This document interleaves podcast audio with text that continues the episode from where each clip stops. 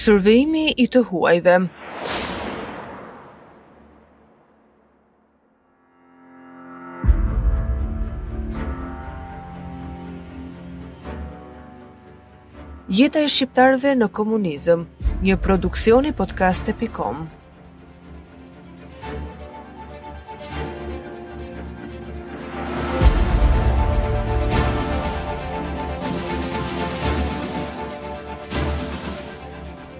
Gjatë viteve të regjimit komunist, një i huaj që shkelte territorin shqiptar, merrte vulën i dyshuar dhe strukturat e sigurimit të shtetit e kishin nën vëzhgim të përhershëm për sa kohë qëndronte në Shqipëri.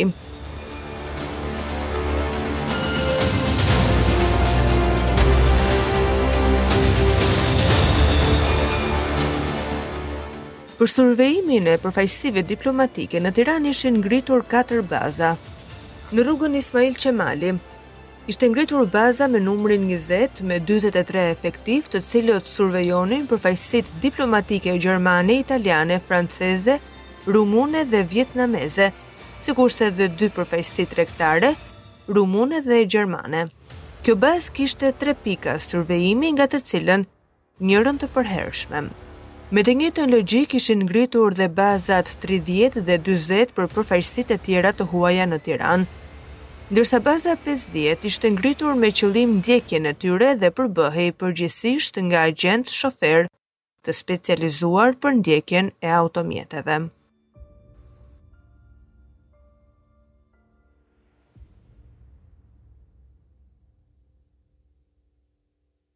Drejtuesi kryesor në survejimin e të huajve ishte oficeri i drejtimit të turizmit i cili organizonte punën agjenturale operative me të huajt në të gjithë Republikën. Për të kryer këtë detyrë, ai ishte kamufluar si zëvendësdrejtori i Albturizmit,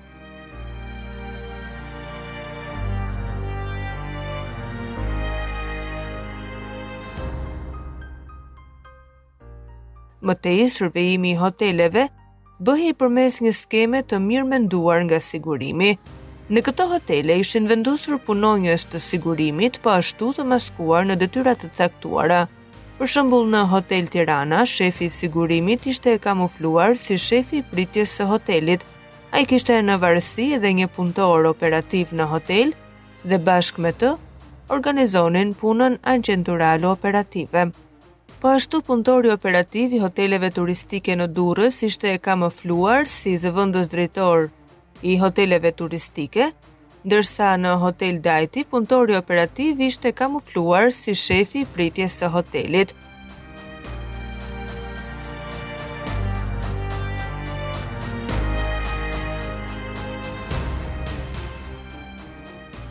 Dhomat e caktuara për të huajt në këto hotele ishen të pajisura me teknikë operative dhe survejoheshin 24 orë në ditë. Pak metra larg Hotel Dajtit në shtëpinë e gjetheve, me një pajisje përgjimi ku ishin shënuar numrat e dhomave nën survejim, Dëgjohej gjithçka që ndodhte aty.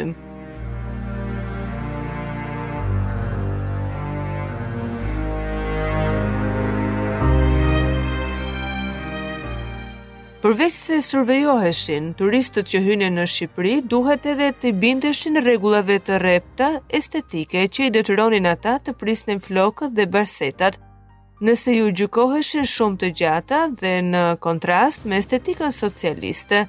Për këtë qëllim, që nga viti 1975 në pikat kryesore kufitare, u vunë në shërbim një berberane e posaçme dhe një dyqan veshjesh për t'i lejuar turistët që të përshtatnin stilin e tyre me atë që duhej për të hyrë në vendin tonë.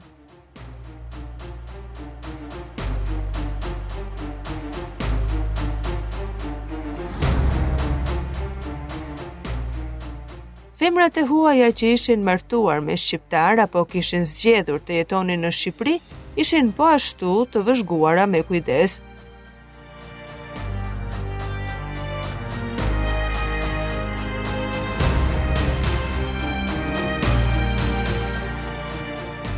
Survejimi i të huajve, sidomos i përfaqësive diplomatike, njohu kulmin në vitet 1989-1990 në prag të mësymjes së ambasadave në korrik të vitit 1991. Si përpjekje, për të frenuar ikjen masive të shqiptarëve të lodhur nga izolimi dhe varfëria.